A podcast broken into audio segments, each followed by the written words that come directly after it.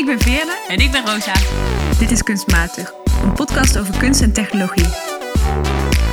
Hey hallo en welkom bij Kunstmatig, de podcast waarin wij, Veerle en tegenover mij aan de keukentafel zit Rosa, het grensgebied tussen kunst en technologie verkennen. Want hoe beïnvloeden technologieën hoe wij kunst ervaren? En welke kritische vragen stelt kunst aan technologie? Vandaag gaan we op onderzoek uit naar de relaties tussen livestream en lichaam. Nou, Veer, in maart dacht ik: dit is zo uh, voorbij, deze lockdown. Mm. En het feit dat we kunst steeds meer online moeten ervaren. Maar het lijkt nog wel even te duren. I know. Ik vind het zo verdrietig. Ik dacht, ik zat de eerste maanden in een, uh, nog in een verzet. ik dacht, ja, dag, dit is gewoon drie maanden en dan, dan ga ik wel weer naar echte concerten. Maar inmiddels uh, lijkt dat toch wel een ander verhaal. Ja, en je ziet dat kunstinstellingen het ook wel steeds serieuzer beginnen te nemen. Ja, sterker nog, ik las dus deze week kwam een nieuw uh, rapport uit van de Raad voor Cultuur. Die adviseren het ministerie van Onderwijs, Cultuur en Wetenschap over hun ja, subsidies. En dat rapport, oh, even een momentje voor de titel trouwens, weet je wat het heet? Nee. Onderweg naar overmorgen. never, never skip a bad joke als je erin kan maken, toch? um, maar in ieder geval, in dat rapport adviseren ze voor de komende periode. En dat zijn dan altijd vier jaar, maar zij zeggen maak er langer van, want kunstinstellingen hebben best wel ja, schade opgelopen tijdens deze periode. Of maak er vijf of zes jaar van. Maar ik schrok er ergens wel van, want zij zeggen, nou ja wij moeten de cultuursector weerbaarder maken voor dit soort situaties. Zodat de culturele sector in de toekomst misschien makkelijker kan schakelen tussen normaal en lockdown scenario's. Wat er ook zou kunnen gebeuren in de toekomst. En toen drong het best wel bij me door dat ja, dit niet iets is dat zomaar even voorbij gaat zijn. Dat er gewoon structureel dingen gaan veranderen in de manier waarop wij kunst ervaren. Ja, en ik denk dat dat ook betekent dat die omgang met technologie, het verbeteren van het werken met livestreams, steeds hoger komt te staan op de culturele agenda. Zij moeten wel, maar wij, wij moeten, dan dus ook wel. Ja, en daarom wilden we in deze aflevering het daarover gaan hebben. Want als je dan toch in de krant leest over dit soort ontwikkelingen, dan gaat het heel, heel vaak over die economische kant van het verhaal. Hè? Ja. Moet er dan geld bij om te kunnen experimenteren en te professionaliseren van dit soort digitale initiatieven? Maar ook bijvoorbeeld, moeten livestreams gratis zijn of niet? Ja, echt een discussiepunt. Maar wij willen het ook hebben over ja, de sociale en de artistieke kant van dat verhaal. Wat voor kunst of concerten levert dat op? En wat moeten we nog leren? Wij ook als, als bezoekers en als kunstliefhebbers. Precies, en misschien ook wel welke nieuwe mogelijkheden biedt het voor kunstenaars en kunstmakers. Absoluut. Um, om een praktijk verder uit te breiden. Ja, totaal. En tegelijkertijd denk ik, het is heel makkelijk om te vergeten dat kunst niet alleen een kwestie is voor ja, je ogen of je oren. Maar dat dat normaal een lichamelijke ervaring is. Dat je gaat, dat je naar een museum toe gaat. Of dat je in zo'n plusje stoeltje zit. En dat dat daadwerkelijk bijdraagt aan aan die artistieke ervaring. Ja, en ook dat we kunst vaak samen ervaren. Dus je bent met andere mensen in een ruimte, uh, je verhoudt je daartoe. Misschien zie je iemand die heel erg schrikt van een kunstwerk. En dat kan een reden zijn om er juist naar te gaan kijken of mhm. van ver van weg te blijven. En die ervaring wordt wel steeds individueler, lijkt het te zijn. Precies, en daarom gaan we deze aflevering dat stukje onderzoeken. Over hoe online initiatieven zoals livestreams en zoals virtuele tentoonstellingen van invloed zijn op de lichamelijke ervaring die kunst is nu en dus ook in de toekomst. Inderdaad. Tussen lichaam en livestream dus vandaag. En zoals altijd bespreken we dat aan de hand van concrete voorbeelden. En Villa, ik ga je als eerste vragen, wat heb jij vandaag meegenomen? Nou, ik heb vandaag een uh, livestream concert meegenomen. Dat zag ik een poosje geleden al. Ik doe onderzoek naar symfonieorkesten. Dus normaal in mijn normale leven ga ik echt bijna elke week wel naar een concert toe. En nu dus al heel lang niet. En ik had nogal mijn hakken in het zand gezet. Ik had daar geen zin in en ik wilde niet naar livestreamconcerten en ik vond het stom. en toen besloot ik op een gegeven moment dat het klaar was met deze houding en dat ik toch mijn angst in de ogen moest kijken. Nou, het is niet angst, maar wel een soort weerzin of zo. Ja. En daarom besloot ik dat het nu maar eens tijd werd dat ik een klassiek concert moest bijwonen via een livestream. Dus dat dat deed ik, zo geschieden. En dus wat ik heb meegenomen vandaag is een concert door het uh, Concertgebouw Orkest. Begin van het seizoen, het was zelfs de opening van het seizoen. Een poosje terug dus. En ik koos dat concert eigenlijk op een hele random manier. Ik zat op een avond gewoon een beetje te scrollen op mijn kantoortje thuis op Facebook. En toen zag ik dat het concert net te beginnen stond. Want zij zenden dus hun livestreams via social media uit en via hun website. En dat is gratis. En dat is gratis. En het programma die avond was duidelijk ook afgestemd op de situatie. Ze speelden de, de derde symfonie van Beethoven, de Eroica-symfonie. En die symfonie markeert een overgang tussen twee periodes. Tussen het klassicisme en dan de vroege romantiek. Maar in ieder geval, het was duidelijk ook over 2020. Van we zitten nu hier en we gaan een soort nieuwe wereld in. En daarnaast een nieuw gecomponeerd werk van Jacob TV, een Nederlandse avant-garde componist. En dat heette Who, What, When, Where, Why. Dus echt letterlijk, wat zijn we aan het doen? Waar zijn we godsnaam aan begonnen en hoe gaat de toekomst eruit zien? Dus programmeringsgewijs dacht ik, oh ja, kijk, we zijn echt wel bezig met een situatie van nu, ook al is het een klassiek concert. En toen zat ik te kijken en toen, ja, was dat best wel maf. Dus laten we even gaan luisteren. Oké, Roos, ik zit in de concertgebouw livestream. Paulo zegt hi from Argentina.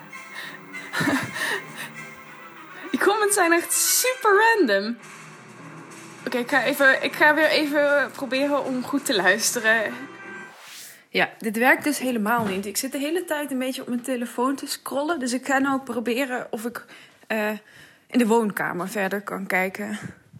Ah, applaus. het zit erop, het was het einde. Oh, het was zo'n goed idee om op de bank te gaan zitten. Ik heb de laatste drie kwartier echt, in een, echt met concentratie zitten luisteren en zitten kijken. En ik ging het meer beleven alsof het een soort film was. Want ik zag met hoeveel zorg het in beeld was gebracht. En de geluidskwaliteit was super hoog. Uh, ja, het, het, voelde veel meer alsof dit klopte of zo. Ik zag ook opeens allemaal dingen op het toneel die je normaal niet ziet. Dus twee cellisten hadden mondkapjes op, super gek. Ja, eh, het voelde meer alsof ik er nu echt een beetje bij was live in dat concertgebouw. Gek genoeg meer dan, dan toen ik via Facebook zat te kijken met al die chatters uh, aan de rechterkant. Ja, ik heb toch de neiging om een soort geconcentreerd luisteren te kopiëren. Het lijkt alsof de livestream jou heeft verrast. Want op het begin zei je, ik steek een beetje mijn hakken in het zand. Je moest best over een drempel heen. Maar het lijkt toch een mooie ervaring te zijn. Mm, ja, ik denk dat je daar wel gelijk in hebt. Nu, ik ging er wel heel negatief in. Ik dacht, dit wordt helemaal niks. En ik merkte inderdaad dat ik, vooral toen ik zelf besloot om, oké, ik ga nu zoeken naar een manier die beter voor mij werkt. En dat was dus zo simpel als op de tv kijken in plaats van heel sad op mijn kantoortje op mijn laptopscherm. Dat ik dus een situatie creëerde die wel prettig voor mezelf was. En dat ik toen inderdaad ook ja, kon luisteren. En ik had het ook heel erg gemist om zo'n concert in zijn totaliteit te bekijken en te ervaren. Dus dat was wel positief. ik merk dat ik zelf niet zo vaak naar klassieke concerten toe ga. En mijn beeld ervan is soms ook wel dat het een beetje uh, een stijve bedoeling is. ja. Misschien onterecht. Hoe ervaar jij normaal concerten en hoe was dit daar dan anders? Uh... Ja, ik, wil, ik ga niet ontkennen dat ik me ook altijd extreem jong voel. Er zijn zoveel avonden dat ik de enige in het publiek ben zonder grijs haar. Dat vind ik wel vervelend hoor. Maar los van, los van de publieksdemografie hebben klassieke concerten ook hele heldere etiketten natuurlijk. Hele heldere sociale normen. Waarin je allereerst echt een avondje uit bent. Dat je je leuk aandoet. En naar het theater gaat, überhaupt naar het theater gaan, is best wel een uitje. Waar je dan met z'n allen in zo'n zaal bent en op dezelfde momenten applaudisseert. is allemaal heel streng. Daar vind ik wel eens andere dingen van. Maar op dit moment denk ik, ja, het is toch heel bijzonder om samen zo'n ervaring te hebben. En het gekke is dat ja, mensen spreken vaak of denken vaak dat een publiek in een theater of bij zo'n orkest dan heel passief is. Terwijl ik voel dat helemaal niet zo. Ik voel juist heel erg die aandacht en die concentratie. Je kent het vast wel als je ook naar een ander concert gaat. Bij popconcerten komt dat meer eruit natuurlijk. Veel luider en explicieter. Maar je voelt gewoon dat je samen daar in dat moment bent. Met die muzici dat samen zit mee te maken. En was dat ook nog aanwezig in de livestream? Nee, dat eerlijk, nee, dat had ik helemaal niet. En ik merkte toch, en dat was heel raar, dat ik de neiging had om de normen, als het ware, van die concertzaal thuis dan te kopiëren. Dus dat ik dacht, oké, ik moet me goed concentreren op de muziek. Ja. En ik moet het soort van van A tot Z volgen en erin opgaan, idealiter. Terwijl het is natuurlijk heel raar om dat op je eigen bank te willen gaan zitten kopiëren. Waarom is dat? Maar ja, ik, ik, ik voelde me ook wel aan mijn lot overgelaten wat dat betreft. Want Ja. ik weet niet hoe ik dat op een andere manier kan doen. En zij faciliteren het natuurlijk ook niet. Nou ja, deels vertelde je wel dat in die livestream mensen kunnen chatten. Ja, Dus dat is misschien wel een vorm van publieksparticipatie. Of in ieder geval Ja. dat gevoel van samen zijn creëren. Wat Ja. vind je daarvan? die rol van de Facebook-chat is op zich wel interessant, hè?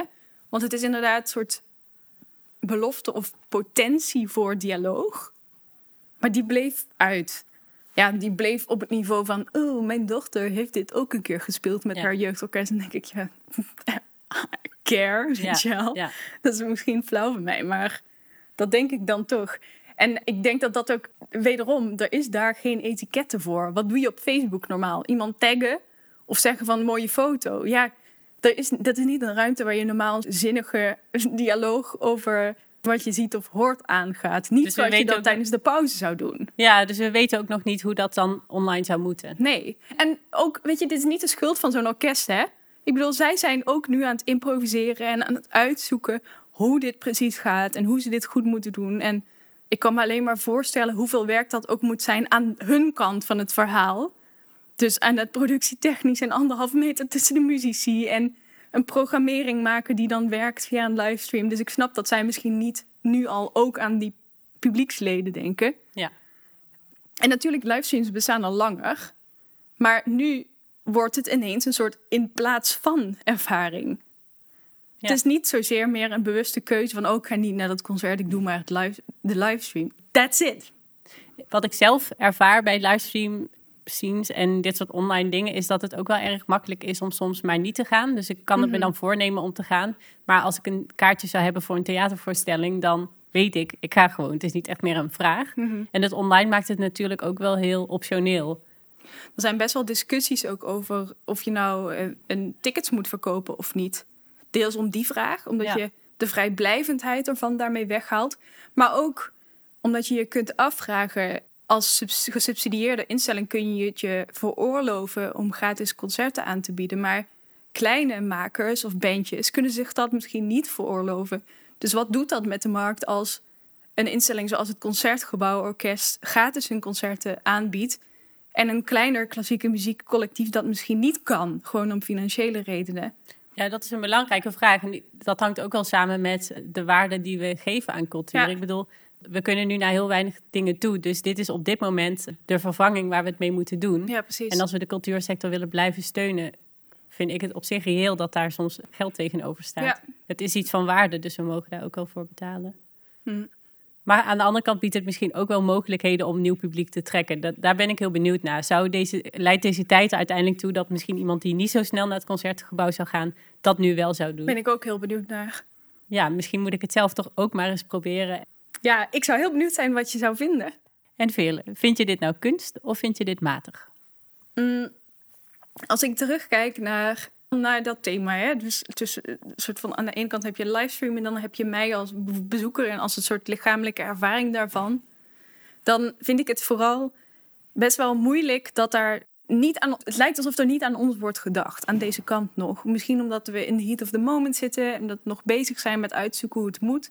Maar ik denk dat we veel meer in gesprek moeten over wat zijn nou manieren waarop je op een goede manier en op een fijne manier zo'n concert kan ervaren. Niet vanuit de stoel in het concertgebouw, maar vanaf je eigen bank thuis of vanaf je bureaustoel of vanuit je bed, weet ik veel wat jij fijn vindt.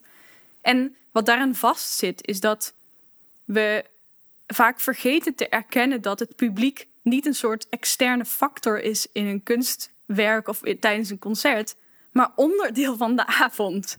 Dus je bent daar op die plek en dat, dat maakt het werk. Of dat maakte de Ja. avond. En het lijkt alsof dat nu nog niet deel is van de overwegingen rondom livestreams. En die andere vragen zijn ook allemaal heel, heel belangrijk. Maar ik denk dat dat nog veel meer besproken moet worden en veel meer dialoog over opgezocht moet worden. En ik denk niet dat die dialoog in de Facebook-chat onder het concert kan plaatsvinden. Nee, dat vraag ik me ook af. Dus ik hoor in je antwoord eigenlijk... en we moeten op zoek naar een soort handleiding, tips en tricks... van hoe eh, luister je als luisteraar naar zo'n livestream. Ja, En tegelijkertijd moeten we het publiek serieus nemen als Mhm. onderdeel van het kunstwerk... of Ja. van zo'n livestream. Ja. Dan gaat het niet alleen over videokwaliteit of geluidskwaliteit van de opname, maar ook over hoe zorg je ervoor dat het publiek zich erbij betrokken voelt Precies, en een mooie ervaring kan hebben. helemaal. Nou, ik denk dat dat hele mooie punten zijn eh, voor de toekomst. En Roos, wat heb jij deze aflevering meegenomen? Ik ben ook de online eh, kunstwereld ingedoken. Ik heb de tentoonstelling Im slash Possible Bodies bezocht. Dat is een tentoonstelling die eerst in Den Bosch zou plaatsvinden als fysieke tentoonstelling met volgens mij wel een online component. En op het laatste moment is vanwege COVID besloten om het een online tentoonstelling te maken. Wow, Best wel een, eh, uitdaging. een me. uitdaging, denk ik. Maar ik vind wel dat het heel erg past bij het thema van de tentoonstelling. Het is een tentoonstelling die eigenlijk de, het figuur van de cyborg centraal zet. En drie vragen stelt, namelijk wat is de cyborg? Eh, We zijn al cyborgs en wat voor cyborgs moeten we worden? We are talking about cyborgs, the melting together of man and machine. Oké. Wacht even, laten we even bij cyborg beginnen, hè? Want cyborg ken ik vooral ook als een soort theoretisch begrip of een robot. Ja, precies. Ik denk dat de meeste mensen, als ze aan denken aan cyborgs, denken aan eh, science fiction figuren. Je ziet het veel in films. Ik, Ik denk zilver, ik denk mannetjes. Absoluut. Ja, maar ook wel vaak vrouwen. Je hebt bijvoorbeeld die film Ex Machina, Ex Oh, ja. Machina, waarin je een eh, AI-systeem Ja. ziet als een robot. En je ziet ook wel dat die systemen vaak best wel geseksualiseerd worden. Ja, dus hele mooie vrouw. precies, als het gaat om de AI als of een soort halfmens-robot hybride als iemand die ons helpt, dan Mhm. zijn het toch wel vaak geseksualiseerde eh, objecten die vaak identificeren als vrouwen. Nou, daar is veel over te zeggen, daar ga ik het nou niet heel veel over hebben. Maar de cyborg is wel een figuur dat voort blijft komen in, eh, in science fiction literatuur, maar ook in de academische theorie. Ja, Je hebt een feministische filosofe die ook heel veel weet over biologie. En haar naam is Donna Haraway. En zij heeft de figuur van de cyborg, er een tekst over geschreven, een manifest in de jaren tachtig al. Waarin ze eigenlijk de figuur van de cyborg uiteenzet als om een, een nieuwe beschrijving van hoe mens, technologie en natuur zich tot elkaar verhouden. En wat ze eigenlijk met die tekst wil doen, is een beetje doorbreken dat wij daar zo'n duidelijke grens tussen zien. Ze gebruikt het zowel als een omschrijving wat, van wat al aan de hand is, en als een fictief figuur waarmee we kunnen nadenken over nieuwe manieren om de wereld vorm te geven. Als Oké. en deze tentoonstelling waar je heen bent geweest, gebruikt ook dat fictieve figuur. Is het nog een fictief figuur? Het zijn veel kunstwerken die speculatief zijn en nadenken over mogelijke toekomstige werelden. Dus voor een deel is het zeker, denk ik, die- dat fictieve figuur. En veel werken zoeken ook de grenzen op tussen inderdaad technologie, het lichaam, natuur. Eh, maar er zijn ook een aantal werken die juist laten zien, we zijn al cyborgs. En laten zien hoe we over het huidige, de huidige wereld kunnen nadenken als, als zijnde bestaande uit cyborgs. En daarom denk ik dat het wel interessant is om deze tentoonstelling online eh, te hebben. Omdat ik bekijk dit nu op mijn laptop. Er is ook een app waardoor je dingen in augmented reality kunt zien. Dus het is heel interactief. En als ik als bezoeker die tentoonstelling bekijk, zou je kunnen zeggen dat ik al een cyborg ben. Want, wacht even hoor, dit gaat echt veel te snel. Nee, maar hoezo ben je een cyborg? Omdat je met technologie kijkt. Nou, omdat ik technologie gebruik om een ervaring te creëren die ik niet zou kunnen hebben als die technologie er niet is. Dus als het ware zou je kunnen zeggen dat die technologie een soort van, ja, een soort prothese misschien of een verlenging van mijn lichaam wordt, eh, waardoor ik meer kan waarnemen. En dat is eigenlijk de vraag die de tentoonstelling ook oproept: van zijn we nou al cyborgs? Kunnen we er misschien op een andere manier over nadenken? En, en waarom willen we nou steeds zo'n harde grens zetten tussen dit is nou mens en dit is technologie? Die thematiek is heel spannend. En inderdaad ook het idee dat je telefoon een soort verlengstuk van jezelf al is. Maar ik me, het, wel, het is wel nog best wel abstract. Want kun je me nou, hoe was dit dan een tentoonstelling? Kun je me even meenemen naar een concreet stukje of zelf een concrete Zeker. ervaring? Nou, de tentoonstelling bestaat dus uit drie online kamers, als het ware, waar je doorheen kunt klikken en dan zie je steeds een kunstwerk. Soms moet je naar een link klikken en dan kom je op een website terecht. Soms is het dus een onderdeel van de app. Heel veel verschillende kunstwerken. We zien video, we zien eh, eh, foto's, ehm, teksten ook. En nou, dat is één voorbeeld wat ik wel interessant vind om te noemen. Dat is bijvoorbeeld het werk van Neil Harbisson. Neil Harbisson identificeert zich als cyborg. Hij is kleurenblind, maar hij heeft een implantaat in zijn hoofd, waardoor hij alsnog kleuren kan horen. Dus aan de hand van het implantaat nou, neemt hij toch kleuren waar, alleen op mhm. een andere manier dan mensen die dat implantaat niet hebben. Mm -hmm. Een van zijn talks zegt hij ook: Ik uh, kleed me altijd op een manier die leuk klinkt. In plaats van leuk eruit ziet. Dat vond ik wel komisch. en daarmee laat hij eigenlijk zien hoe het gebruik en het incorporeren van die technologie ook nieuwe kunst kan creëren. En je kunt dus zijn kunstwerk ook openen in die app. Mhm. En dan zie je allerlei kleuren en dan kun je daar zelf muziek mee maken. Oh, wat grappig. Ja, dus dat is één manier waarop we kunnen zien hoe hij dat doet, maar waar je vervolgens zelf ook een klein beetje onderdeel van mag mhm. worden. Ik merkte wel dat het zoveel werken zijn dat het ook heel moeilijk is om de tentoonstelling in een paar woorden samen te vatten. Dus er is heel veel wat ik natuurlijk niet noem. Uh, maar een ander werk wat ik interessant vond is van Moon Ribas. Zij is een danser en zij heeft een, een sensor aan haar voet waarmee ze eigenlijk alle aardschokken op de wereld, aardbevingen, kan aanvoelen aan de hand van trillingen. Hmm. Dus daarbij, aan de hand van die trillingen, maakt ze dan een dansperformance die je kunt zien. En wat ik daar bijzonder aan vind, is dat ze eigenlijk natuur, het lichaam en, en technologie samenbrengt. Mhm. En ik denk dat we vaak geneigd zijn om technologie tegenover natuur te stellen. Ja. dat we denken, we kunnen met technologie de natuur beheersen. Mhm. Terwijl wat zij met het werk laat zien is, als we technologie gebruiken om naar de natuur te luisteren, mhm. dan hoeft het helemaal niet tegenover elkaar te staan. En dat vind ik wel interessant als we ook die figuur van de cyborg zoals Haraway het omschreef, hè, daarover nadenken. Waarom moet die grens tussen natuur en technologie altijd zo sterk zijn? En wat kunnen we ervan winnen als we dat juist wat meer op een hybride manier gaan bekijken. Maar dat is een super mooie omdraaiing ook van wat, wat we, het narratief dat we vaak horen of dat we vaak denken als we het hebben over we worden steeds meer AI-systems of we worden robots of we, zijn, we leven in een steeds technologische maatschappij dat veronderstelt inderdaad dat je wegdwaalt van natuur. Dus wat dat betreft is Haraway's idee nog niet helemaal doorgedrongen tot ons. En ik merk dat zelf ook, weet je. Want dat is niet hoe ik dat doorgaans over denk. Maar op deze manier zie je dat je door middel van technologie... en door middel van het nou ja, aanbrengen van dit soort technologische verlengstukken in en aan... en om je lichaam ook bepaalde gevoeligheden kan ontwikkelen. Een soort sensibiliteit naar de wereld om ons heen. Dus in plaats van naar binnen gekeerd, juist soort van met extra voelsprieten bij die ene kunstenaar bijna letterlijk. Ja, zeker. en ik denk om ons heen. Ik denk dat die laatste vraag van de tentoonstelling daar ook heel erg op aansluit. Van wat voor cyborgs willen we zijn? Ja. In zo'n werk als bij Moenribas zien we ook dat het ons juist kan helpen om een, uh, naar een toekomst toe te gaan waarbij we naar de natuur luisteren en het klimaatproblematiek bijvoorbeeld mhm. serieus nemen.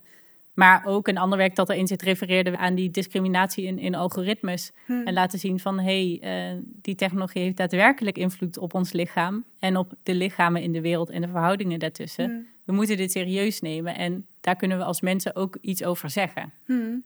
Nou, het klinkt overweldigend, maar het klinkt ook wel uh, alsof het je op een prettige manier aan het denken kan zetten. Ik zit meteen te denken over het soort implantaten dat ik wel had kunnen gebruiken tijdens de livestream, als het ware.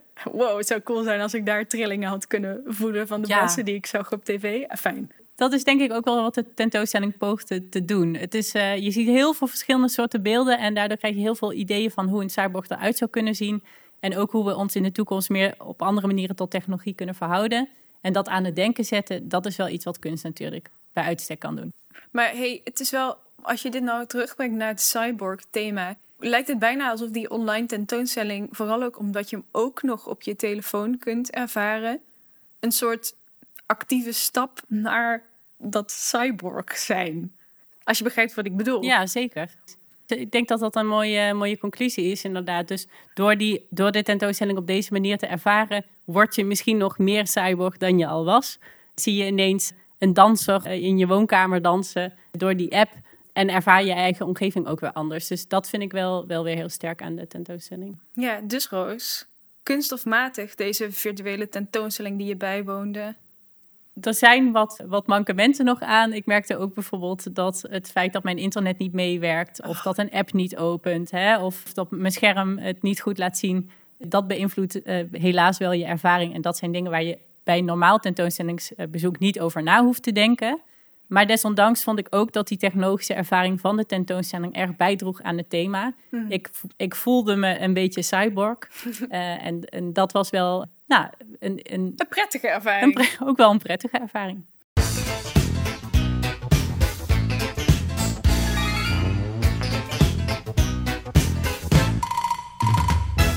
Deze week in Gekke Gadget bespreken wij de app Tin Mendo. Ja, dat is een app gemaakt door de band uh, Tin Man en de Telefoon.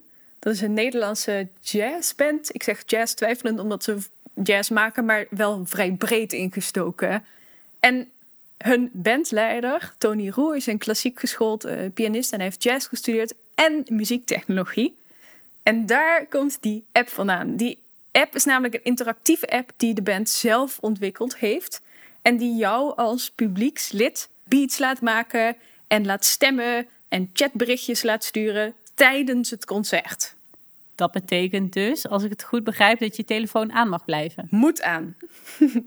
dus de voorschriften zijn anders dan bij een concert normaal. Ja.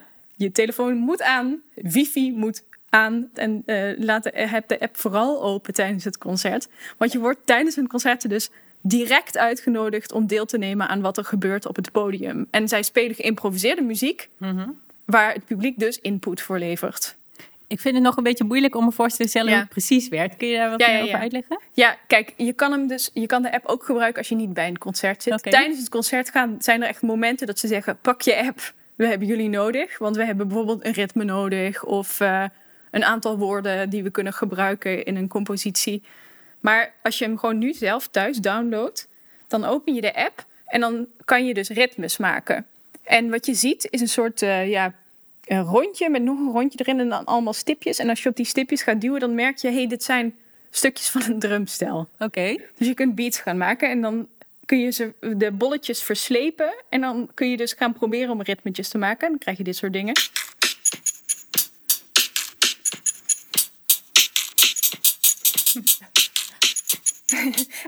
Dit doet me ook wel weer denken aan dat kleuren horen. Ja, inderdaad. Ja. Ja, er zijn echt. eh, maar goed, het is, wel, het is wel anders. Het interessante is dat dit echt vanuit de muziek voortkwam. Dus Tony Roux, die bandleider, was eigenlijk gefrustreerd met het idee: oké, in jazz zeggen we we improviseren, maar we improviseren altijd volgens bepaalde conventies.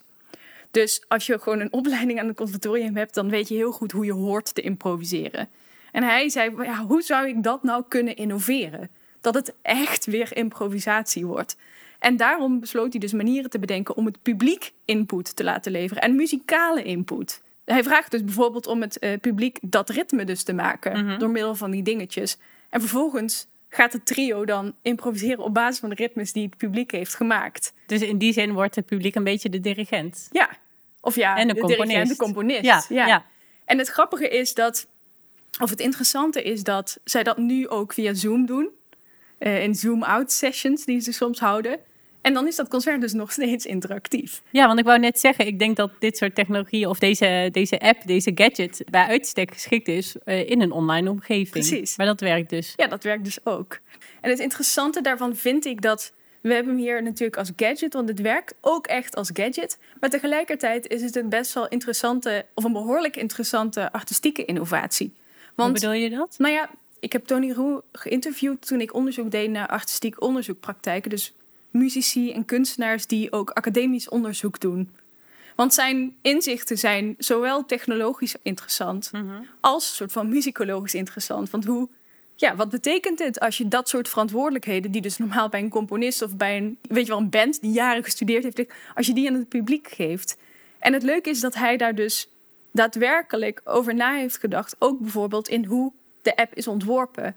Want hij vertelde mij toen ook, ik wilde dus specifiek een manier van ja, componeren Ja. maken voor het publiek die ook een soort intuïtieve en speelse vorm had. Want je kent wel van die apps waar je dan een drumstelletje ziet afgebeeld en dan klik je op de hi-hat en dan hoor je een hi-hat of een pianootje. En hij zegt dat nodigt uit om standaard dingetjes te maken. Want dan zit je meteen in een soort drie- driekwartsmaatjes en standaard beats. En hij wilde juist iets gekkers en iets uitdagenders, waardoor mensen echt even moeten zoeken en moeten spelen voordat ze iets krijgen wat ze leuk vinden. Dus een beetje los van die vaste structuren en misschien meer op een, ja, het klinkt bijna een beetje een kinderlijke manier, op een Speelse positieve manier, manier, ja. een speelse manier. Op een speelse manier of op een openere manier. Want zijn idee is natuurlijk dat hij het improviseren open wil breken. Maar dan zegt hij, ja, dan moet je niet vervolgens die app volledig volgens muzikale conventies vormgeven. Dan moet je daar die speelsheid ook al inbouwen. En dat werkt heel goed. Je moet het maar eens uitproberen. Want het is best ingewikkeld soms. En kan ik die app alleen gebruiken in combinatie met een uh, concert? Of kan ik ook gewoon los ermee? Nou ja, je kan hem dus sowieso downloaden en die beats kun je maken wanneer je wil. Oké, dus het is sowieso een beatmaker? Het is sowieso een beatmaker.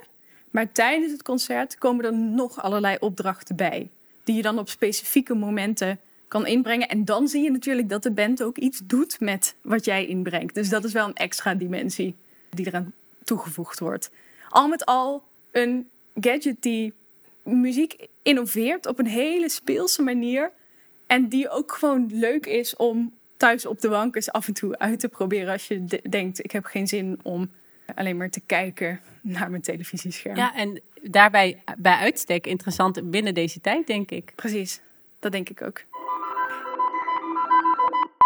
Op een sokkeltje. In Op een sokkeltje zetten we elke aflevering iets of iemand of een werk op een sokkeltje. Een werk dat wij vinden dat eh, extra aandacht verdient, waar we onverdeeld enthousiast over zijn omdat het kunstenaars zijn die technologie op een speciale manier aanwenden, bevragen, misbruiken.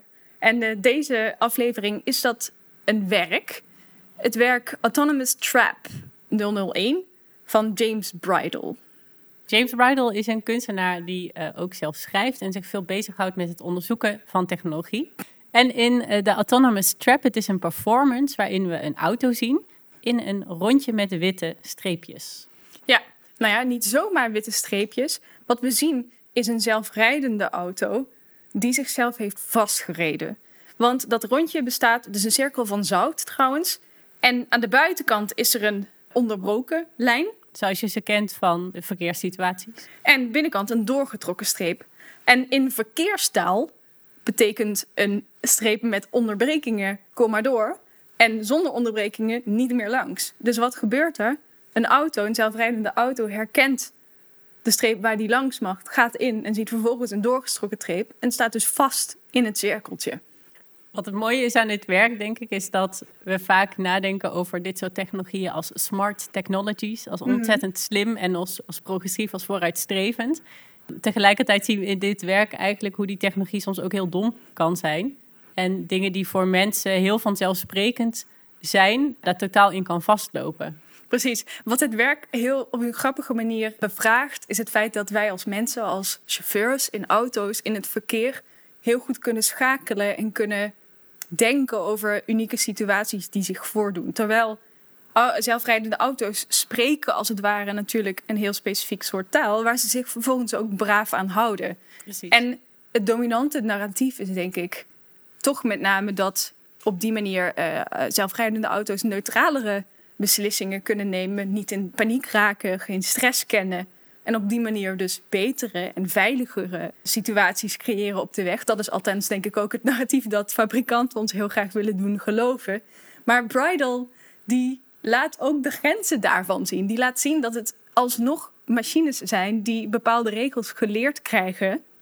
En dat daar ook mee te dollen valt, dat dat te hacken valt we willen graag dat die technologie heel rationeel is en heel volgens een vast stramien werkt, omdat we denken dat we daarmee de toekomst ook wel kunnen controleren en eigenlijk alle vormen van risico's kunnen uitsluiten. Maar wat dit werk laat zien, denk ik, is dat de manier waarop technologie rationeel is, eh, niet per se altijd de beste optie is. Het loopt gewoon vast op iets waar mensen nou ja, zouden moeten lachen en zouden doorrijden. En het is ook wel een grappig werk in die zin. Want als je goed kijkt op de video van de performance, dan zie je ook allemaal een bergpartij op de achtergrond. En dat is dus Parnassus. Dat is de berg waar de muze woonden. Oftewel, de auto was eigenlijk onderweg naar kunst en technologie en kennis. En is blijven vasthangen onder een, onderweg. Precies, in een rondje van zout. Omdat het niet kan begrijpen dat dat een grapje is. En op die manier denk ik dat Bridal heel sterk laat zien waar de grenzen liggen van bepaalde smart technologies. Namelijk ook in het rechtlijnige denken. Uh, dat je daar dan dus letterlijk in vastloopt. Ja, en, ook wel misschien dat het bepaalde idee van creativiteit... die je dan met die muze zou verbinden... toch wel ontbreken in die technologie. Dus de technologie kan letterlijk niet buiten de, de gewaande paden of, of de box denken. Ja. Alles blijft heel erg inside the box. Ja, precies. En het leuke aan zijn, uh, aan zijn werk is dat hij de auto zelf geprogrammeerd heeft die auto niet gekocht. Maar hij bestudeert technologieën eigenlijk door ze zelf te proberen te leren, door ze echt te doorgronden. Dus hij heeft onwijs veel eh, software ontwikkeld eh, en bestudeert hoe die precies functioneert en wat voor grenzen er in die software gebouwd zitten. Die software maakt hij vervolgens ook openlijk beschikbaar voor anderen. En hij werkt dus echt met machine learning. En door middel van machine learning leert hij over machine learning. En dat is een hele mooie dynamiek. Dus hij leert ervan om het beter te begrijpen, maar vervolgens maakt hij de grenzen ervan expliciet. En hackt hij het als het ware om te tonen, nou ja, kijk, het is ook maar een menselijk product. Ja, en ik denk ook dat hij met dit werk een vorm van verzet eh, visueel maakt. Mhm. Ja. ja, het verzet zich tegen dat denken dat technologie altijd een betere versie is van mensen. Ja. En dat technologie de beste manier is om risico's altijd maar uit de weg te Ja, gaan. het is letterlijk de vraag stellen: hoe slim is zo'n auto nou? En hij bevraagt dat niet door die vraag te stellen, maar door de technologie gewoon te foppen. Het deed me ook denken, ik heb een boek van hem, dat heet The New Dark Age. Mhm. Technology and the End of the Future. Waarin hij allerlei reflecties eh, schrijft over hoe we ons nou moeten verhouden tot die technologie. En aan het einde van het boek zegt hij... We are not powerless, not without agency and not limited by darkness. We only have to think and think again and keep thinking. The network, us and our machines and the things we think and discover together demands it. En ik denk dat dat heel erg aansluit bij dit werk, waarin hij laat zien, die technologie is er, we kunnen het niet ontkennen, maar we moeten daar wel kritisch tegenover staan en ook onze eigen agency en macht daarin eh, erkennen. We kunnen zelf ook nog wat doen.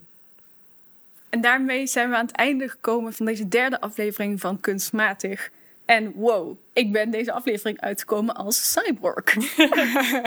dat had ik niet gedacht. Nee, en je hebt mij wel nieuwsgierig gemaakt naar zo'n livestream. Ik denk ook, ik, ik zie steeds meer hoe dit structureel deel wordt van onze kunstervaring. En ik ben ook wel nu wat benieuwder geworden om te zien hoe kunstinstellingen dit oppakken. Ja. Dus ik ga ook een keertje luisteren. Ja, en wat voor variaties er bestaan.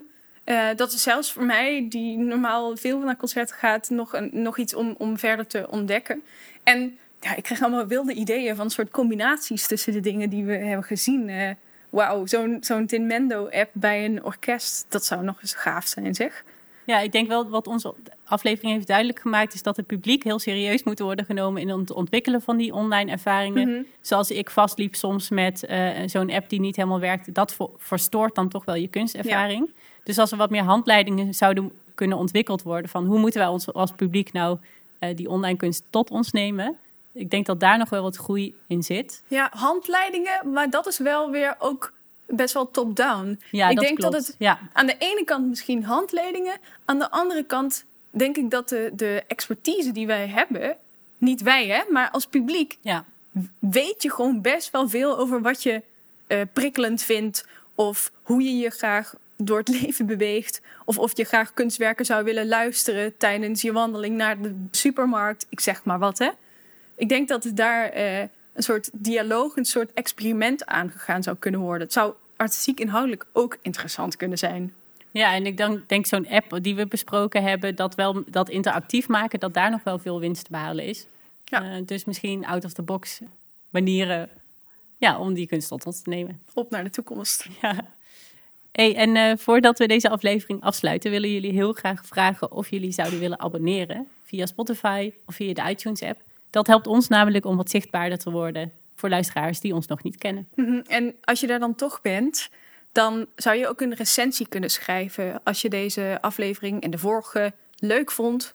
Dat zou, zouden we heel erg leuk vinden om te lezen. En op die Instagram zijn ook alle beelden te vinden. Dus ben je nou benieuwd hoe een zelfrijdende auto in een cirkeltje eruit ziet? Check dan zeker even het Kunstmatig de podcast. En Veerle, waar zie jij naar uit de komende tijd? Is er iets wat je nog gaat bezoeken? Nou, ik zag dus dat er toevallig op een heleboel verschillende plekken tentoonstellingen waren begonnen over zorg. Dus hoe zorgen we voor de wereld om ons heen en voor elkaar, maar ook voor technologieën. En dat vind ik een super interessant thema, omdat het niet een thema is waar je in eerste instantie aan denkt als je over technologische ontwikkeling en vernieuwing nadenkt. Nee, absoluut niet. Maar dat het wel meer ja, relevanter is dan ooit. Dus daar ga ik me in verdiepen. Leuk, ik ben benieuwd hoe je dat gaat ervaren. Ja, volgende keer eh, meer daarover. En jij, Roos? Wat, waar kijk jij nou uit? Ik ga niet naar een tentoonstelling in Duitsland, Oh. helaas, vanwege deze situatie. Dus ik denk dat ik nog maar op zoek ga naar een nieuwe online Komt, tentoonstelling. komt vast goed. Komt vast goed. Nou, lieve luisteraars, tot de volgende keer. Doei!